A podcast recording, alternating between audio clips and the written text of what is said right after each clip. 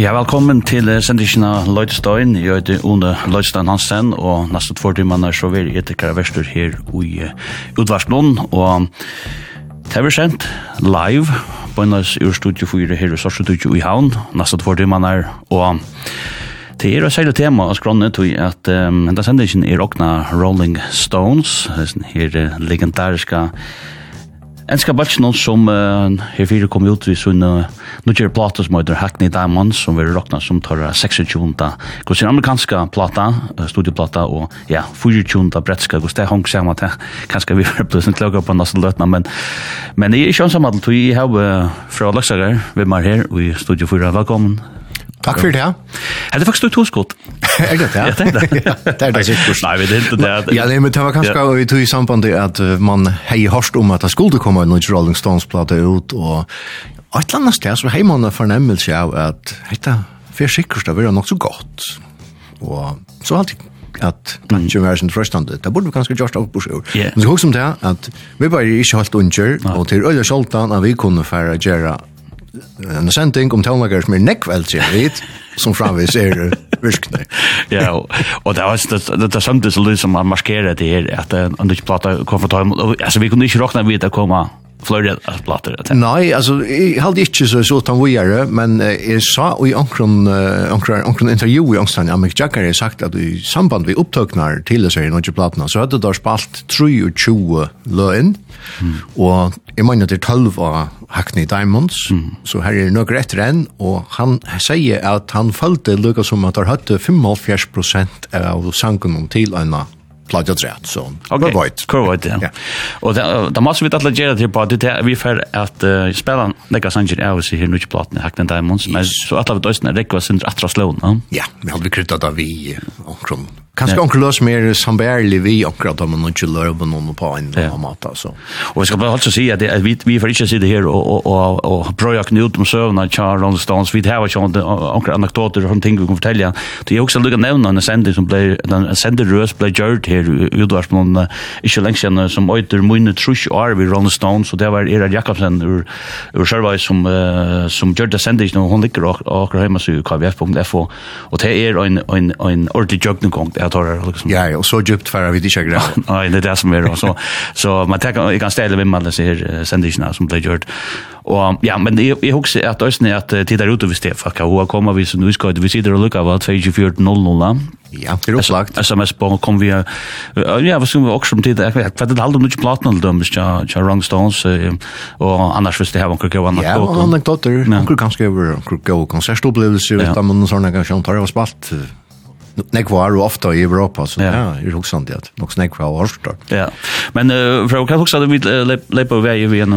Ja, jeg husker at vi borde kanskje starta, eller lagt ut vi, Start Me Up, det er nok så vanlig brygjene lærer konserten og tja Rolling Stones, det er en uh, singleplata som er Jim Newt i 1900 og Øyne Fors, hun er en utgave som heter Tattoo You.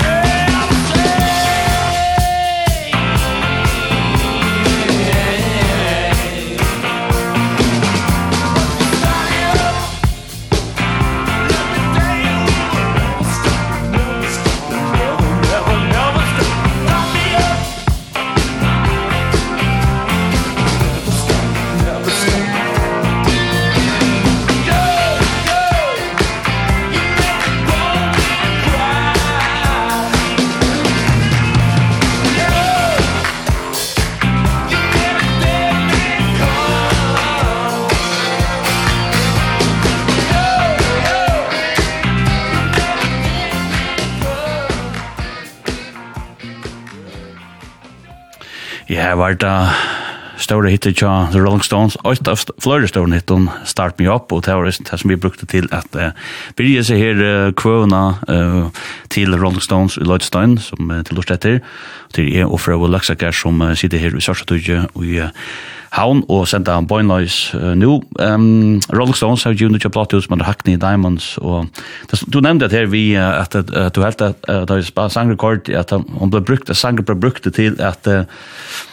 at um, Jag ser det liksom som att jag Ja, det lanserar jag. Showsetta. Ja, showsetta. Windows 55. Yes, ja.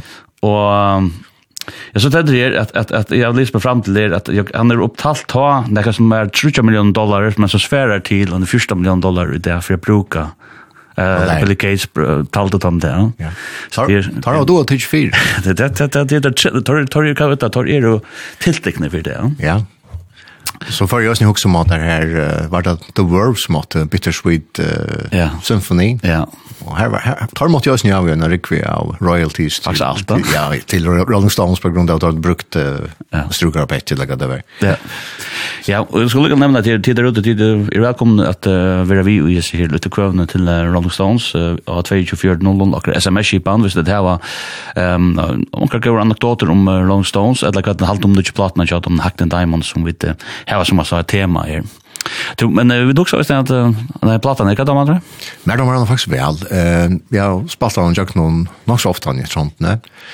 Og jeg halte at immun til nekvar at de senaste studieutgavene som Rolling Stones har givet ut, så han, altså, ja, han har Steel Wheels er fra en av første forsen, og han har lånt mer noe lunta, og negativismen kom i atana, jeg vet ikke, man er ikke ordentlig sitt vidt i kjenslen av at det er ordentlig godt, mm. men jeg halte at tilfærdet til disse nudgeutgavene er øyelig avhåverst. Ja. Og framløsene er også. Ja, og fer, og fer, og fer, og fer, og fer, og fer, og fer, og fer, og fer, og fer, Eh, gott nok eh och det kanske synd att polera stora parter av utgåvan eller polera över men, men så så det tvätta sista lögn kanske bröters eller det synd att blue listen the roar reaktor men det näga vi att man vill bäge fauna notina och forstøyna. mm. så jag och helt ta ta ta mäkna man alltså ja. utan att alltså det är rulliga handspalt i några matar utan utan att en en modernare producer för allt för en kvinn och pilka vi allt så. Och där finns det en en som måste nu vidla skriva några lön och en som Andrew Water som gender fra ja Justin Bieber och ja Miley Cyrus och i halt i år eller if you're around just on the plot of Iggy Pop och snö och sista stund utplata utgavan tja och så Osborne där ösn framlagt ja. Andrew Watt så han är uppenbart rymlig alltså är brakt fånande. Och skriver att han har finns det här som har sort eh tänk att attacka äldre tandas folk och ge dem en nästa. Ja. Det är han han nu beckna öliga väl. Och det kanske också det värsta å är att han spelar faktiskt bass i här plattan inte Rolling Stones stora mål alltid den tvål som är onkel annan i sloppen framåt men han som hade Daryl Jones som har spelat an näkont han sista plattan inte Rolling Stones og er faster på syster till alla konsertfärna. Han är nämligen ikke vi av här någon plattan. Det det det är det mest jo, det undrar man kanske det sentrast. Mm. Men uh, enda platan kommer uh, Jeg vet ikke om man skal si, hun kommer sin til borster ur ankom av Granat, og at, uh, at han har Charlie Watts døye så sa man lukka som fyrir seg at jeg måtte være ved enden av, av, av Rolling Stones. Men uh, tar jeg også lukka som ombart putla spekla vi forskjellig, og så ble kallet inn til der fond, og så knallet han der til sted, og det kommer en nødt plata, og så en stekfløva på en av veien, og jeg halte at hun fest jo øyla vel ut av de fleste. Ja. Ja. Ja, og det er luksa vi det er første sanger som vi spiller av oss nødt platene. Det er også, det er første kjering. Første kjering, ja. Og Angry Yell Show sitter øyla vel. Ja. Kommer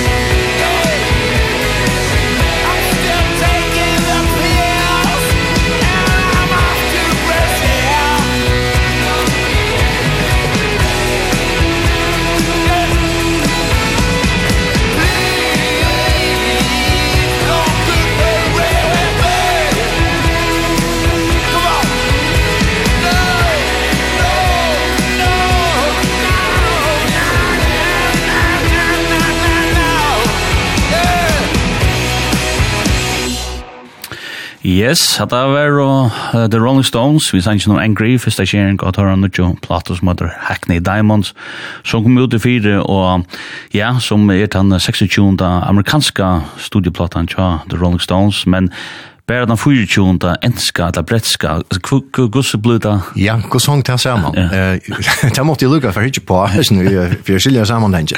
Det er nekka vi at fram til 1923, ta sørst du det øye oftane at plater kommer ut i en amerikanskare og en enskare utgav. Men det er mersker at en, ensk, en plater som kommer i en enskare utgav kan godt bli koppa sunter og så kommer det tver eh, amerikanskare utgaver på sjurtil. Just det. Eh, altså, løyene som er i en enskare album kan skal være kotta i sunter og sett saman på en arvesmatan og, og så kan det komme, komme mer enn en amerikansk utgav på sjurtil faktisk. Mm. Det er alltid nok det som ligger til grund for at det blir 60 amerikanske studier utgaver og 24 okay. eh, enskar. Men 18 av 1923, tror jeg, da sørst du tydelig, ja, nå er det ansrakt. Nå, nå har du bare øyne utgaver for bæg i London av, av ødlentøy som er kommet i 18. Er man helt at det er forstår imes, altså for imesløyke ja, i London? Ja, og og tror jeg snakker vi at det var studiet vårt, og så ble, så, så ble kunta komme ut i USA lengt åren, så ble det brukt i en fornøren sammenheng i, i, i England og Ja, det er ikke så snar pladdvinnan var örus och sammanskruva ta en kvart. Ja. Kvart hun var nekta 17 år. Nek nek var makt ta och så står det fullkomligt. Fullständigt, fullstendig, Ja, ja. ja, Och så är det man kan ska i i också dingen ta som också att amerikaner är så som inte men så kanske var det kanske var kanske var det inte en strata. Jag vet inte. Ja, nei. Som vi det Vi det for inte det. Men i alle fall hon heter Nutja Stackley Angry altså her hur man enda gjørst en en musikkvideo som ja. som kører nekva henne, og her ser det ut som man, man, man er mer etter noen yngre aldersbølge, og at Lukas som høvespersoner nå i, og jeg ser tonelaga-videoen, det er en amerikansk sångkvinne, nei, en sjånlaga-kvinne som heter Sydney Sweeney, som er særlig kjent fra en i HBO, og som heter Euphoria. Hun ligger så oppi av en convertible, og som ligger kvar rundt i Los Angeles, og så starts du, og sier store billboard-løsningene her som tar, så kommer fram og spiller, fyrir henne faktisk morgen på en eller annen omkring mat her. Men han bøler at vi vidt i Amerika Men ikke ødler lukka. kan de gamle fjepparne er ikke nøkta Ja, Men altså, i helt er det. Ja. Ja. Nej, nej, gott väl också. Men eh, som sagt, Stones har en øyla drikva søve, uh, spela, börja spela saman, jeg halte spela samman först för allmänt i juli manna i tvei og trus mm. uh, i Patli och i, i, i London. Så vi snackar om Buxman spela saman i, i en trus år, det er till att löta. Mm. og, och tonläggaren först nägg vi og ni är kanske inte så, ändå så öjla egen till något snägg bluesbasera. og, ja, cover då. og, cover og, Och så. Halte inte för 1906 og, trus, Formats, den platan som kom her. Jeg Helt til den første platan som Stones gjør ut her, som der øye alt til mm. hver sjolver. Og det var en grunn til ikke i platan nummer 4 eller 5. Ja, det er det. Ja.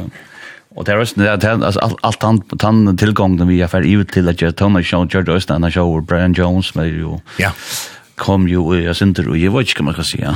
kan si, man ble, han var jo ganske høsmæren. Ja, han var høsmæren til første åren, og særlig også, da ble vi, vi, vi, vi, vi egnet tilfæren, og la Donald er, men, vi halte at han av tar gjøva seg her der Satanic uh, Majesty's Request fra Shea og Trus, som er en nokså psykedelisk plata, men det kan ska av omkran ha hatt æsne om det som Beatles skal gå i ut Shea og Trus, og æsne, hvis du huksar om Pink Floyd, tar den første plata som er fra Shea og Trus, Piper of the Gates of Dawn, det hever alt den der psykedeliska damen, og, og, og sjåan det er sikkert også en, en døyande parster av alle tilgångene. 100%. og, og det viser seg nok at Brian Jones hever øyla ilt vi a fauta seg mm. at han at alt han er i 1908 trus ta sier då at han ser løgloder blir så liten mm. og han er ikke, ikke funksjonell kan man si no. så han er taver han som skifter ut vi yeah. vi Mick Taylor som kommer inn som, som er faktisk en rett av innøkterist ja. Brian Jones døyr han døyr ta, ja, stått etter ja ja, ja, så ja, ja Men jeg tror Lukas at jeg har et av de eldre løvene østene fra uh, til er en sanger som heter Under My Thumb, og til er, han er nok å finne Aftermath, og han, han bøyser nok så vel hva Brian Jones dødt.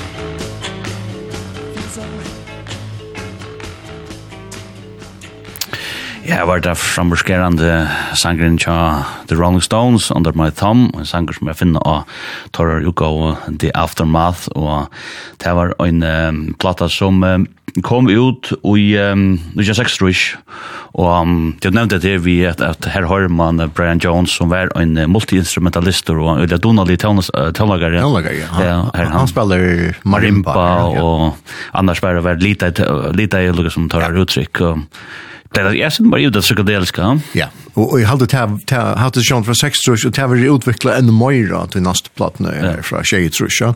Eh men det nog stått lite vi har sån lärnan att alla är onkan du ju vi ut som som singleplatta helt så. Ja. Jag tror det också så där man också att det så kände och särska sanken. Ja ja. Så. Och sen Brian Jones som är han som var åtta mer i det faktiskt Stoner nu Rolling Stones han han dör så eh Og jeg, det er 3. juli, nu ikke trus, da er han 22 år og blir parstas ned. Legendariske, legendariske klubb 22. Jeg tror det hukses her, lukka at Det må være åttlanda vi, ja. at det kom her til, hvis det brenner, jeg også så harste banen enten og så. Det så så så så slut där. Det måste vara. Amy Winehouse för resten av 22 och och att det är Jimi Hendrix, Jimi Hendrix, John Joplin det otroligt. Och täljande dömer om det. Ja. Så, Ja. Jo, ja, vi det vi dock så ja, vi sitter vi sitter vi sitter där och sänder live uh, Lloydstone här i uh, Studio 4 i ska du ju i Havn och till det rotet till välkommen till att Jeva tycker vi kan stilla det här vi ser här kvövna till Drunk Stones nu tar jag given ut platta ut och det gör det då SMS på 2400 skriver Ja, han kvættet halvt om nutje platna, Hackney Diamonds, etta kom jo okkar anekdote om Rolling Stones, okkar som knytt seg at balkjennom, så kunne det være vidt liksom at avvarske seg litt løtna. Ja, så i halvt vi skulle fra takk akkurat av nutje platna i Øsne, og Hackney Diamonds, hva det er så til. Mm -hmm. eh, som sagt, Hackney er en bojaparster i, i London, og fyr, eller fyr, rymla negon år sedan var det nummer rått om kvar som var kjent för för något negvan kriminalitet och uh, Hackney Diamonds det är er faktisk det her var sånn negv inbrott uh, det är er glassplintrarna från från brotten under roten bei ur Handlund och bilen där fick navnet Hackney Diamonds. Her har vi hatt oss å funne mm. høytet til seg her platene. Jeg husker vi skal på en sang uh, som er, i hadde undersharing han heter Get Close.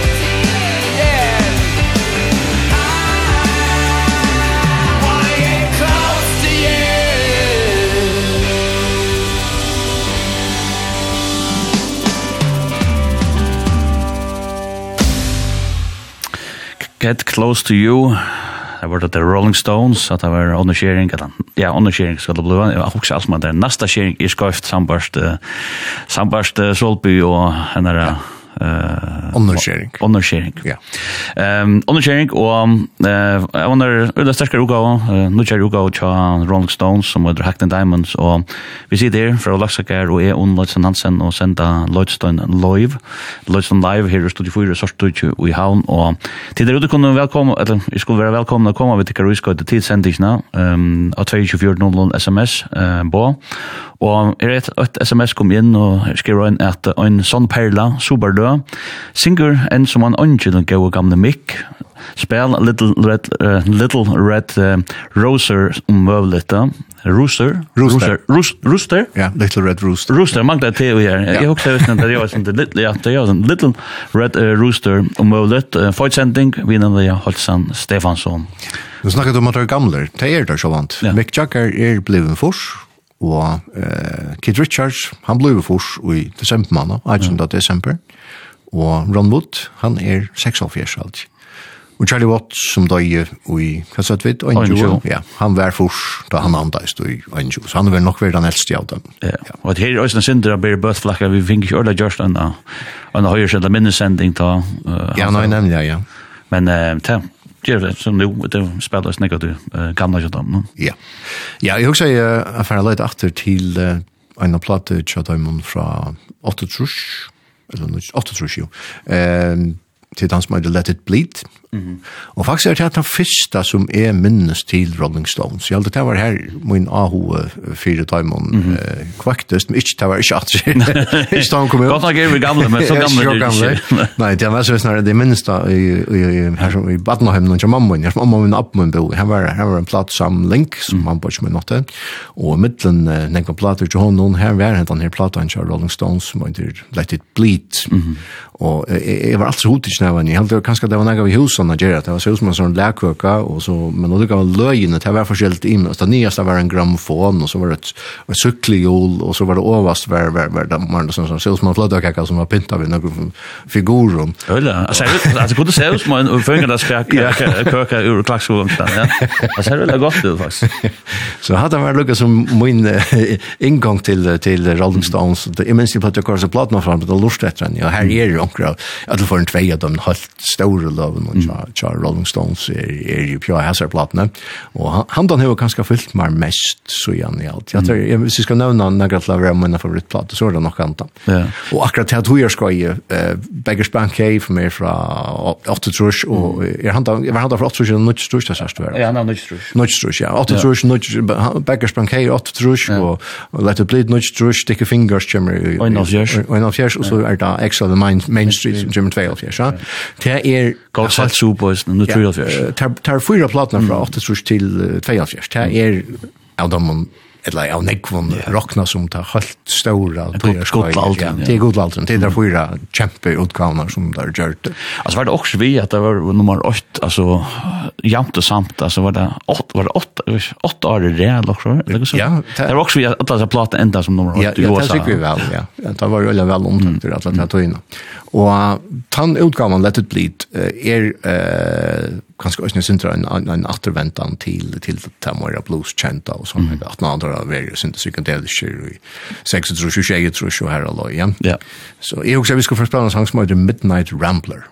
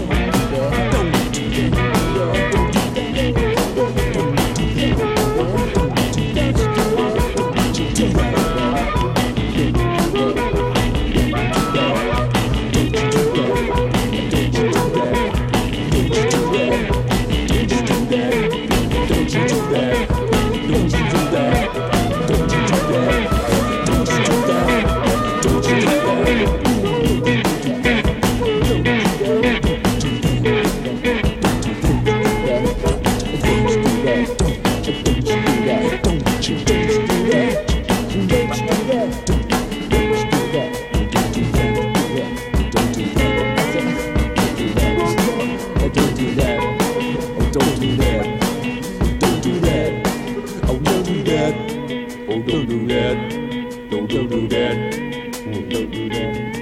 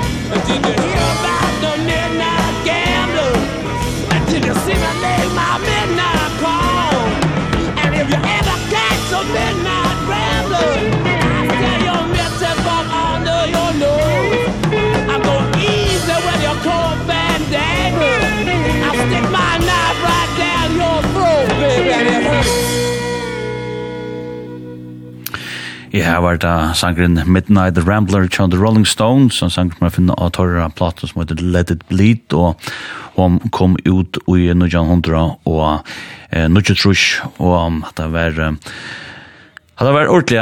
Hade det var blues ut av det. Ja, det var blues ut, ja. Jeg hade jeg Kit Richards som skriver i Sanchez sammen med Mick Jagger.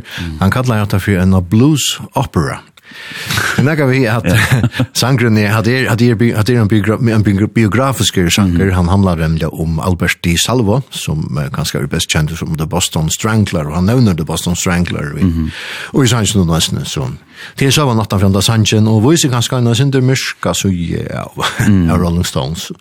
Her er ferdig inne i øynene, og så, man kan si, så forskruva høtta i nærmest. Ja, nemlig, ja. ja. Men det er også ganske også, det er sin i et konsept, tog vi konseptlat, man hoksa, men gjør det ikke så hård til ho, og hva det, ja. Ja, absolutt. Så det er jo kanskje vi tar av mat, prøver også hård på ham, og Ja, som vi sitter her, fra Alaska Geir og jeg, og Unleistan Hansen, og sender en live her i uh, Sarsa Dødju, Studio 4. Og sms-kipan 2400 er åpen, og her skriver Øyne her, um, apropos alder av Rolling Stones, vær til konsert i Parskjene, halde Jacka var 24 år, ta og rann sin klassiska ut i mina, han er vel også en paddlaren ut av, Og ta leter i øynene og sett atta for meg. Tror du min far vil kode det? Sier sni. Jeg skal godt si, jeg var ikke nå at det er uh, Mick Jagger han kjører inn. Ja.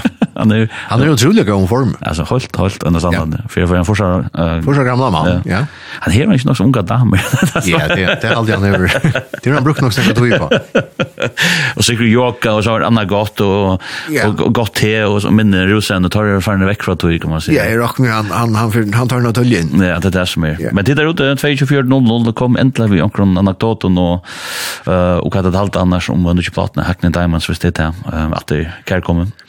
To ehm ja alltså nu det her bluesen men bluesen blues townlagen är ju upprun och alltså Muddy Waters er jo, ja nemlig, det er hålls større, ja det är kär från namn som då ja shit alla andra som har ta har funnet navnet, altså, skulle bruke navnet i handanvändning så funnet det en platta som som heter Rolling Stones ja. eller så då Rolling Stone ja Rolling Stone, ja.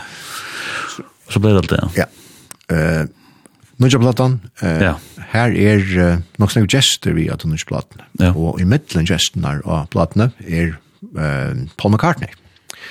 Og Paul McCartney, han spiller bass av øyne og lærer av disse utgavene, og det er lærer som jeg er for å spille nå, en sang som heter Bite My Head Off. One,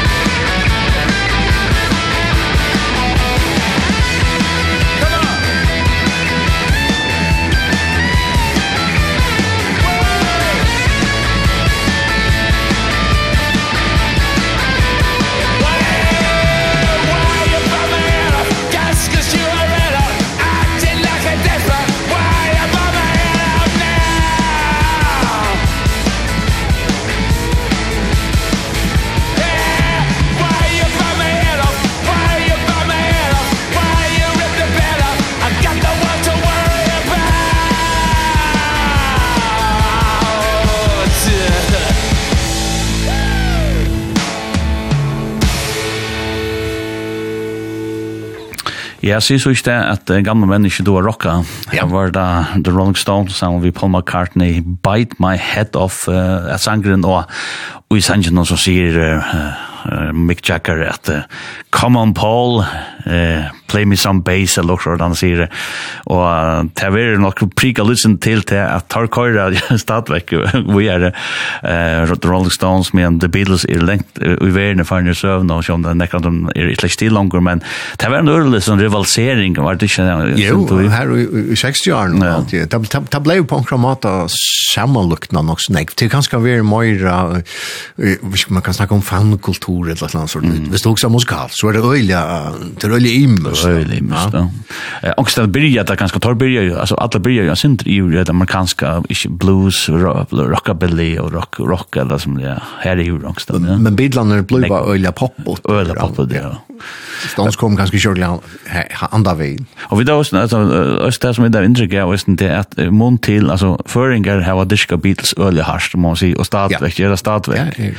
Men alltså Rolling Stones har inte ordentligt han vill lugna nego harst, inte att är nek nekver hardcore kjeppar fra, altså, det er da, fra halt at fra trusjonen. Men, men tar har ikke, man sier, altså, tar vi ikke fagna i det samme hatt som Beatles, altså. Og ikke, ikke, det er ikke, men, men, altså, er det en balker som stadigvæk køyr, og, altså, er, kan råkna man vi, står det har selt 240 millioner plater, altså, ja. tjøkken tøyina, og, ja, en kjempe større. Det vet. Men jeg vet ikke, det fører, det er ganske sinnbar populært at det kjempe, jeg vet ikke. Ja, jeg halde det da. Det er nok det som er, og hvis du hvis du för det lösen vi er är just nu i alfärsen da er där tant tunge rockeren er på det beste. bästa. her er det bara som Black Sabbath og Led Zeppelin som er nok tunge och för ju då stämmer han, jeg vet du är hip. Det er ganske... poppa där de poppa på den dan så. Ja, hade det er ganske som söveligt. Kongratter. Ja. Ja, ja, og men som sagt, jeg, altså, jeg sitter og sender på en så er det svarte du ikke, og han skriver inn der, Bill Wyman er eldster i The Rolling Stones, han er tjej og fors er gammal, og det passer. Det passer, ja. vi hadde ikke glemt han. han. Vi hadde ikke glemt han, men han er så ikke vi inne, og han, får, han gavst i... 93. Ja. Det er nok lengst, siden. Ja. Men, men ikke, jeg skal nok si at jeg, jeg er ikke ordentlig gjør meg ferdig med dem, jag såg gammal. Nej. Men, men han er via. Han er via platten, ja. Det var tog, tog, tog, tog, tog, jag tog nämligen nämna da vi kom til, ja. han er via en og lei, ja. sitt platt. Och därför är det så som spelar. Ja.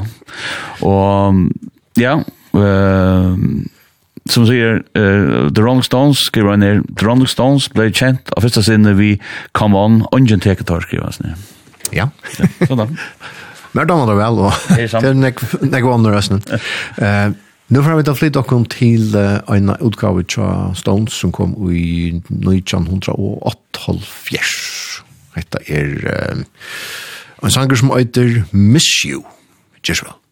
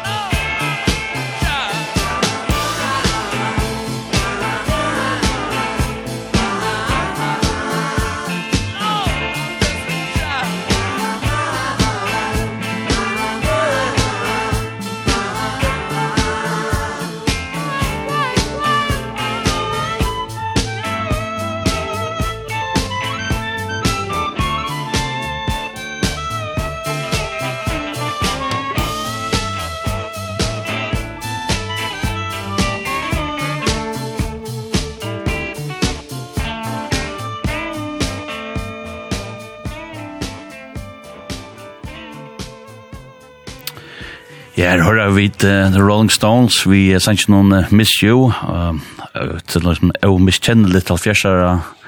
Det skulle jeg jo faktisk, synes du da? Ja, han fra 88, ja. og, og ja, snakker han om Bill Weiman, han, han har hørt spille her. Ja, nemlig, ja. Men det er flent jeg synes rett til i at uh, da blir jeg på å spille uh, så blatna som heter Some Girls, og så hadde jeg sinter, eller øyelig kraftige disco-averska, at uh, det var ikke det som Bill Weimann hei, uh, man sier, finnes mest vi, da måtte sende han, altså, uh, nightclub när jag är när jag klarar jag finn det också det skulle gänga fyra sig också. Vi är vi det skulle basta nu. Ja. Alltså stod det snackar snackade om mamma där att att här hörde man diskuterar nu att här var flott så där och jag tog in att vi är en groin som var skrivet i The Wall Street Journal om hur neck var alltså hur väl tar du och tjänt pengar resten The Rolling Stones och så sen det är att the Stones have gone through at least five stylistic um international Temptations allt och det är simpelthen bröjtingar. Ja? Det blir som en coverband, så var det 60s pop och 60s acid, 70s groove, och så det 80s new wave. At some point they lost the uh, elasticity and the uh, uh, ability to reinvent and they got old, but the fact that they did so uh, so well for so long explains their uh, relevance. Och tar är ni skriver att det är simpelthen väldigt relevant för flera generationer och till att det är nästan dejer och liksom ändå för att det flera för när kjallt om det som man skriver väl bli gamla och forsen och tar ju stadväck här och ja, är det kanske en en box som tjänar mest pengar vi har för att turné och sånt kan stadväck. En uh, hygglig maskin man säger. Ja, och och en turné, det är nog också det att ta förra konsert för kommande sommar åter. Ja, ja, ja. Och som sagt, vi sitter för att läxa karriär och sända bönnes i Studio 4 Sörsta Tudji Havn och tid är välkomna skriva in av 2400 och till er det sandiga folk som är gärna nu och tack för det här tid. Och jag skriver här, hej tid, hetta är som i gamla dövon här var vi till fyra stanskonserter den bästa av er som var i Horsens och hon var fram ur. Fantastiskt sida och lust etter tikkon och gå och gamla stans, tack för det vi kommande och tack för det och vi ska inte och snära ute och ja, fyra Du er ikke verre. Nei, jeg har ikke hørt det enn. ja. Det er, man sier skamma sier jeg. altså, du sier, jeg, jeg, jeg var hørt det enn før, det var i 2014 av Roskilde Festivalen, og det var, og det gledelige selskapet, så var min 13 år gamle son, og ta vi 13 år gamle son, som var, som var, det må sies. Ja, første Roskilde Tjone, så hørte han Bay, The Rolling Stones, og Steve Wonder, og hva var det, Arctic Monkeys, og men særlig, jeg kunne høre The Rolling Stones, og ja, vi er ikke på det. Jeg har alltid sett meg fire nå, at, nu må det være. Hvis det kommer, man sier, om akkara løyer at det, så, så, han, så må man færre. Ja. Gjør han ikke vitt. Og det, det, det, det har vi hørt, det er ikke fyrt, ja? Ja, jeg er skilda lennom. Jeg har alltid tar ikke vært ute og lust uh, några konsertfer, altså det er ikke noen datosett av eller noen sånt, eller noen spelstøv, men i det er også måtte jeg for det hender også ja. sommer. Ja, fantastisk. Så solen som er det kjempestørst, ja. det kan man råkne vi. Ja, ja, ja. Og det er jo det skriver endre inn av 2400 sms på her inne. Eh, jeg husker fra løyt at til uh, Nudgeplatna. Eh, her er så løyes at, at tvøymon av løvnene, eh, de er så tar byrja vi på seg platene i 2009, alt det første opptøkene jeg gjør der. Ta er uh, Charlie Wattswick, og han hever av uh, man sier utgavene, han, han lovtekker av Tvøymon Løvn, og ta øyne av Tvøymon Løvn, eller Anna av Tvaimon Løvn, ta vi det neste som vi får spela, til en sanger som heter Mess It Up.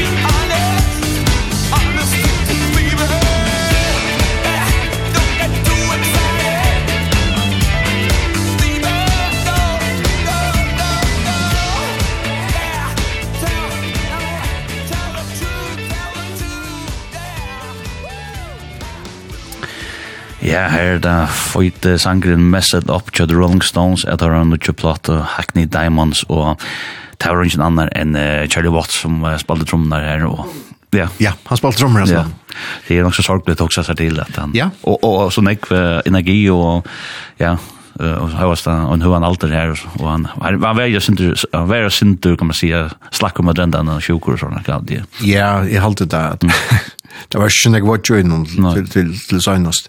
Uh, Gussi var det nå her, var, her kom en annan med over i hans her sted uh, nå, som hans utgavne, som heter Steve Jordan, som har spalt, uh, ja. og spalt den siste konsertferien, som da, ta forrige konsertferien faktisk, bare en graviker, at han har at Charlie Watts døg, ja. Ta gav jeg noen platt ut ui, ja, ja, det er nok ikke for samband vi henne. Det kom en platta i 16, ja. ta minne, det var några vi, det var cover, cover versjoner. Ja. Men henta platta som er kom ut nu, er sånn den vi nutjon til tilfære, så igjen 2005. Ja så det är till till till en ajan några stäcker. Ja. Eh men det är trumslångare som är en nutch platna som måste vara vi av konsertfärden han heter Steve Jordan, han är amerikanare och han är född i 1900 och tjej han är sangskrivare, producer och så är han det som kallar amerikaner kallar för musical director. Han spelar mm. i Florida Alice Near Orchestra någon som är jag ser här showups kan det det late late night vi Dave Letterman och Ösne vi entreprenøren, jeg satt under Night Live orkestren, og her var nøysen vi vi, og så. Det heter nok ikke, ikke hva som helst. Nei, det er jo da. Jeg var ikke det mer. Jeg husker jeg, jeg får løyte atter til ja, ja, ja. Moina Intes ståndsutgave, Let It Bleed, fra 1900 og 1900. Eh första läge att vi utgavne är efter månaden tycker välja några särligt för en sang som hade Gimme Shelter og er kanskje ikke den øyneste som halte til at at av listan noen tja Rolling Stone Magazine i 500 av beste sannsjene er nekran tog ta er hessens dangren tja Rolling Stones uh, nummer 13 og det er noe som, som flere, flere som halte at dette er kanskje den aller beste som tar avgjørst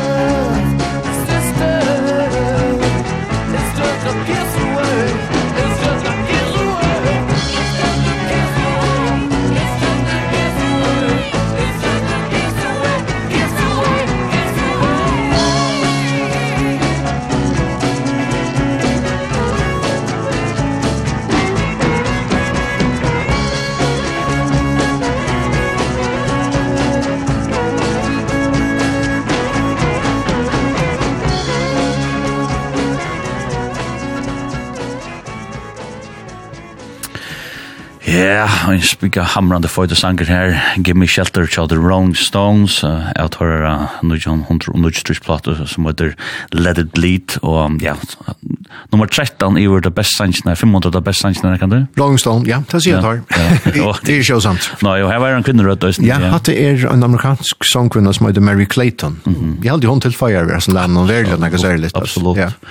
Du skriver en kvinne av 24.00 at jeg hadde glemt Mick Taylor, han er gesta tonlager av, og han vet nevnt ham tullige i sendisene. Ja, jeg gjør det, jeg minnes det. Øtlund for, han er avløseren, Brian Jones. Ja, Brian, og han er vi og hans utgavene her, og og ja. han er faste limer i några år, men til fram til 1975, da, så han vil avløster. Ja, at han var brosjur. Han var brosjur, så kommer han mot vi at han. Og vi der liksom hukte sin bada, og han, det sast han er vi av, og han 2013 er kursen mynd der han spiller vi og en en konsertstøtten i Boston og sånne, så han er vi av og snill. Ja, jo, han Og vi røkta oss en av de aller beste gitarristene. Ja, han var fraløk gitarristene, det er helt sikkert. Fyre mynd Janekon og Lee Slash og sånne. Ja, så. Uh, vi spalte handa sanjen, og det er kanskje synder ikke holdt av tilveld, tog av du nødje platene, mm -hmm. her i Naga og Gesto Nøysene, mm -hmm. og det er næsta stak uh, løvanna, jeg vet ikke hva kallar, stek leie, mm. det er det. Yeah. Uh, det er næsta stak leie som var givet ut til en sanger som heter Sweet Sounds of Heaven, og det er uh, herre Østnjøn Gjester, det er unge minn en Lady Gaga som mm. hjelper til her, Og jeg halde kanskje at hans ankren hever Øystein Lega sånne gospel-referanser, så han er ikke helt avløyker av sånne her... Gimme Shelter. Gimme Shelter. Og hessens ankren Sweet Sounds of Heaven verer Øystein av flere ommelderen som har skrivet om oss i utgave. utgavene. Metter som kanskje er det beste leie av av platene, og Øystein en av helt gode sangen tja Rolling Stones, men sånn det der kunne lortene med dem. Yes. Yes.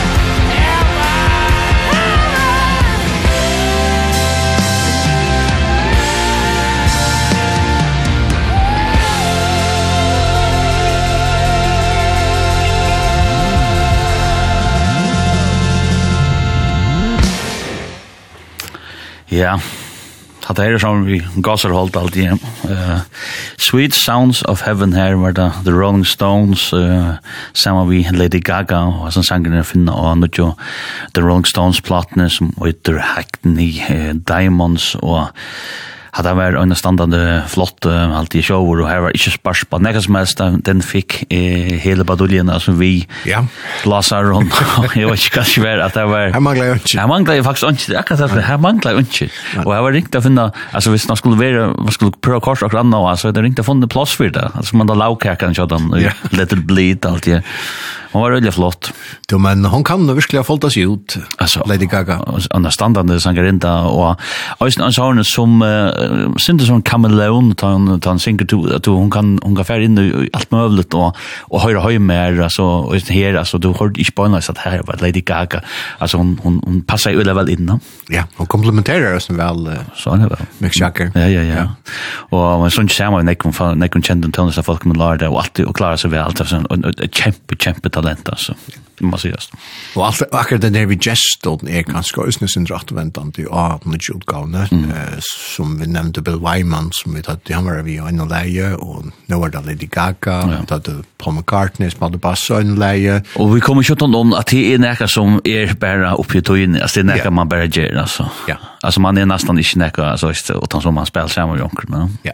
Jag läs åt eller annat ställe att tar pass utgavna i 2019 mm. her alai, og så, så datta synden i fyra at det er ganske øyne i mån til at Charlie Watts døye. Mm. Men så var det, uh, så var det Paul McCartney som hei av vi Ron Wood, Og han hei anbefall honom a uh, setta sig i samband vi uh, Andrew Watt, uh, framløyaren. Så han kommer faktisk ikke vi og i hese prosessen av fyrir i 22. Mm. Ta for han a samla uh, jag vet inte man ska säga samla äntande men i alla fall ta för att ta igång vi vi vi utgavna av av av nutjon faktiskt mm. så hade jag något som drar var arbetat vi alltså löjen kanske är är som man säger skriva i över ett template aramal men men här ända inspelningen kan är så gjort där så att du så att du fjör och tulja och i och jag och här var så alla brukt ocker från Charlie Watson. det nämligen att han är som sagt vi av Boymon Löven mm og jeg var jeg var most også anna er men men jeg hadde nekva at vi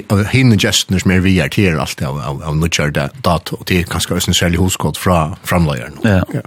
Ja, som sagt så sitter jeg sender live her i Studio 4 i Sørstudio i Havn og sender Lodstein fra Løksager og jeg og Lodstein Hansen og SMS-kipan hun sender åpen og her skriver hun inn at jeg var til konsert vi The Rolling Stones i 2016 og i Telia Parken i København og til steds vi kjenner som Parken eller Parken.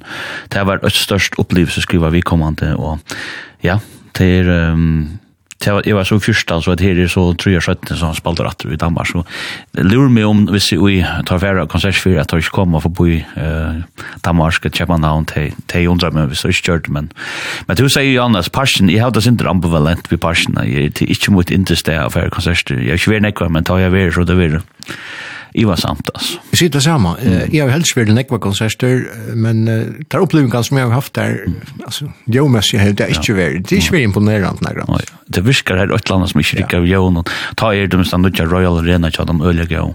Eh De nu jag eller i stage i Danmark. Det var så som vi rånade konserter i Sverige Ja, friends are not. det är ju også mer eller gott. det var også veldig gott jo. Men after, hvis vi nu kan tenke parsten after, til at, altså, det er ikke bakgrunn som hun selv passion ut til ja, Minds of 99, tar Jordan nämligen en kjempe insats för att få gott jo i parsen, da spalte jeg for, er det två år sedan. ja, første at han har korona, så det er. Ja, och jeg hade jag tar brukt, ta slapp av rinjeren, och ikke fem dagar eller noe sånt, för jag finna det optimala jo, och ta man sier, det lukka ist øyelig vel, så dem, og det var kjoldsam og godt ut til affærene, men, men hvis det er en kritikker av passionen, så er det alltid jo. det er det. Ja. Så ja, um, ja hver er du kommer i, i røyene, Jokken? Ja, vi færer til uh, at uh, Sindre Eldre Leater, mm -hmm. uh, Can't You Hear Me Knocking?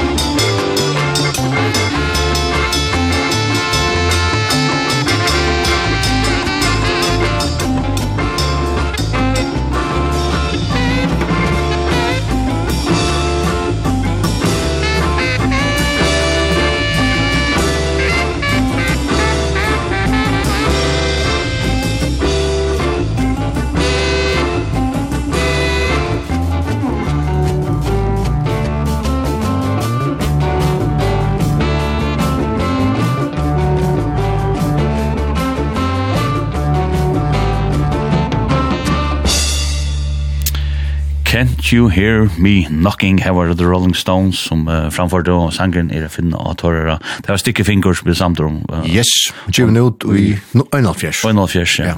Hadde jo faktisk første da utgavan som kom 18 av Brian Jones var det, så hadde Mick Taylor som spiller gitarra her. Nemlig, ja og en en en legendarisk plata på några måter cover över det kända ja. Ja, det var Andy Warhol som åt designa og det som var nok så særmerkt vittig, at att uppenbarligen så var ett lindlas ja av framför husan som kunde laddas upp.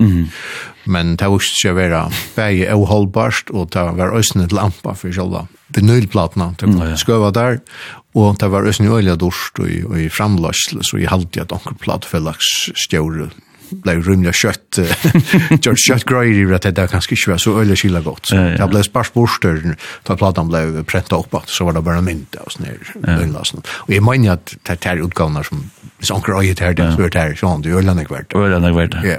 Men også når man husker om, det var også det vi er tiltekna tunga, når kommer hun til spil, kjønner hun sånn?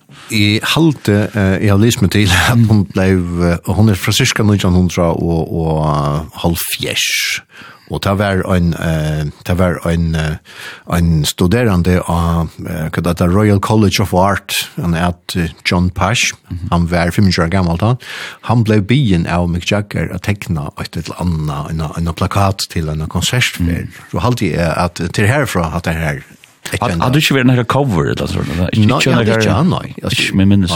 Kan være ganske ganske oppsamlingsplat. Ja, det er alltid, jo. Men ikke, ikke, ikke som, ikke, ikke en, ikke en av de store stålsplatene. Men da er Ron Stones og just en annan sort, jeg vet ikke hva man skal si, en landmark eller sort, det er faktisk større kjalte til Kjær Roskilde-festivalen, oransje paddelen.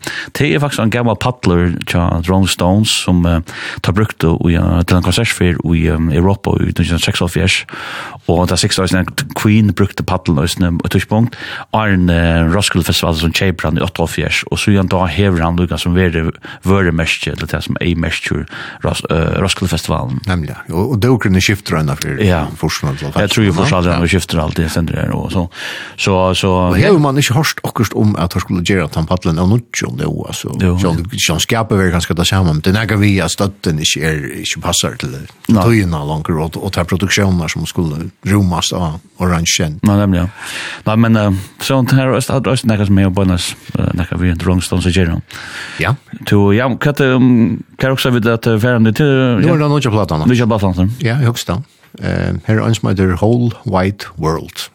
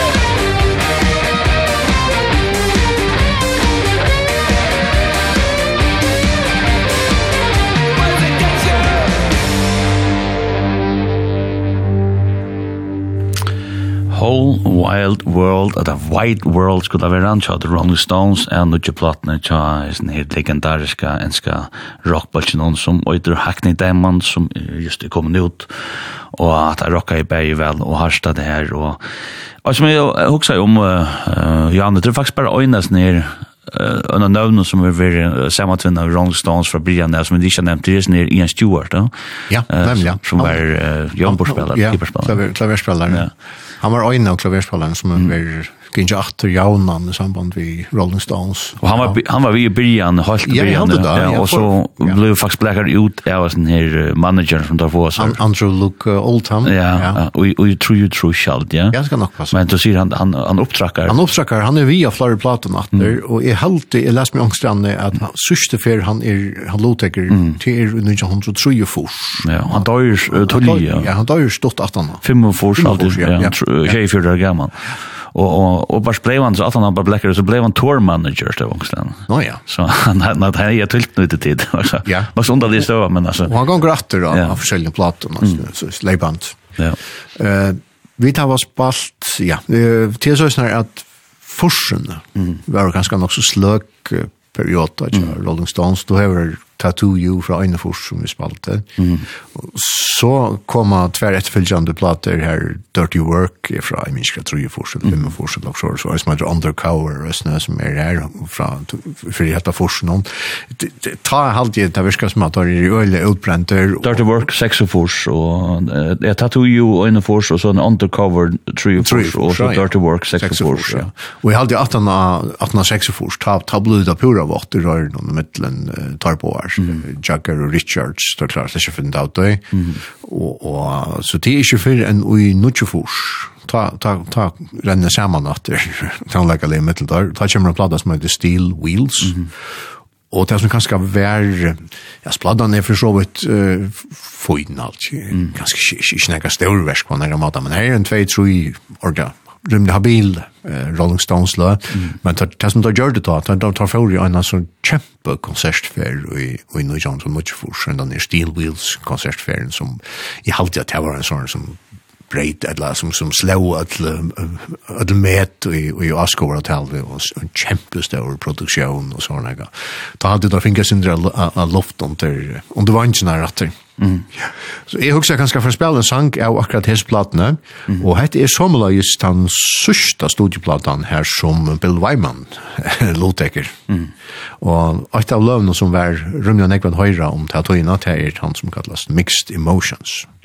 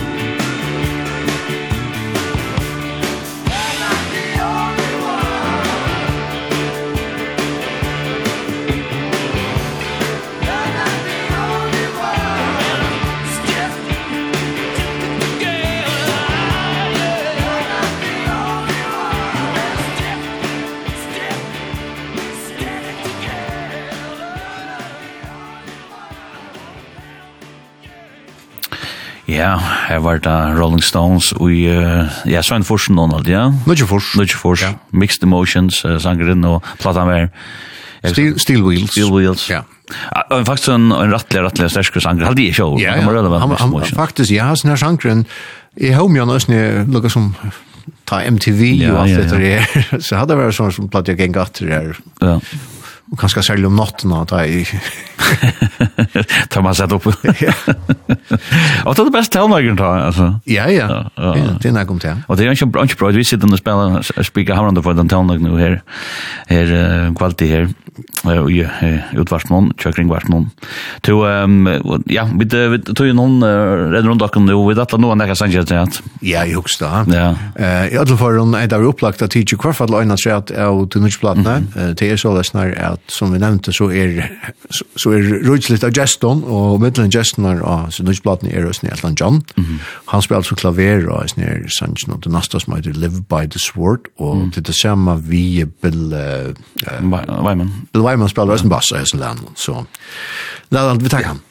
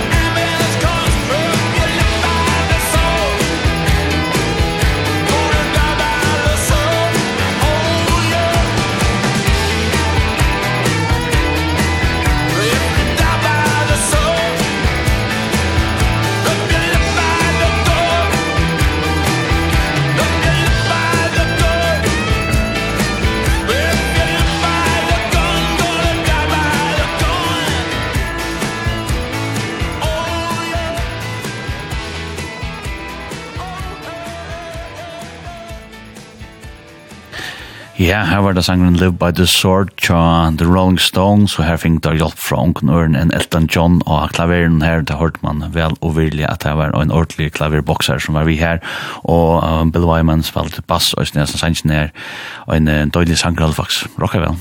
Ja. Mm. Jeg har ikke mikrofonen. Jo, at det var fra Lykkland så Och man ser Elton John har så väl över ja. Ja, absolut. Och ja, han är så vi att man säger runt där och snack man säger. Ja, han nu tackar för sig för en turnémässig så vet man nog så det Joe Mario ut. Ja.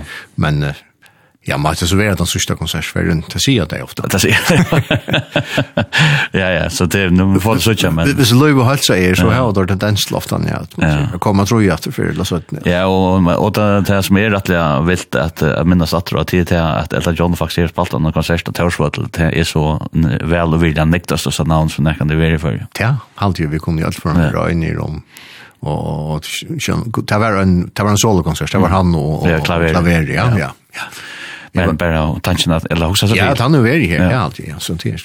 Det mest att för den näktaste stan. Näktaste ja.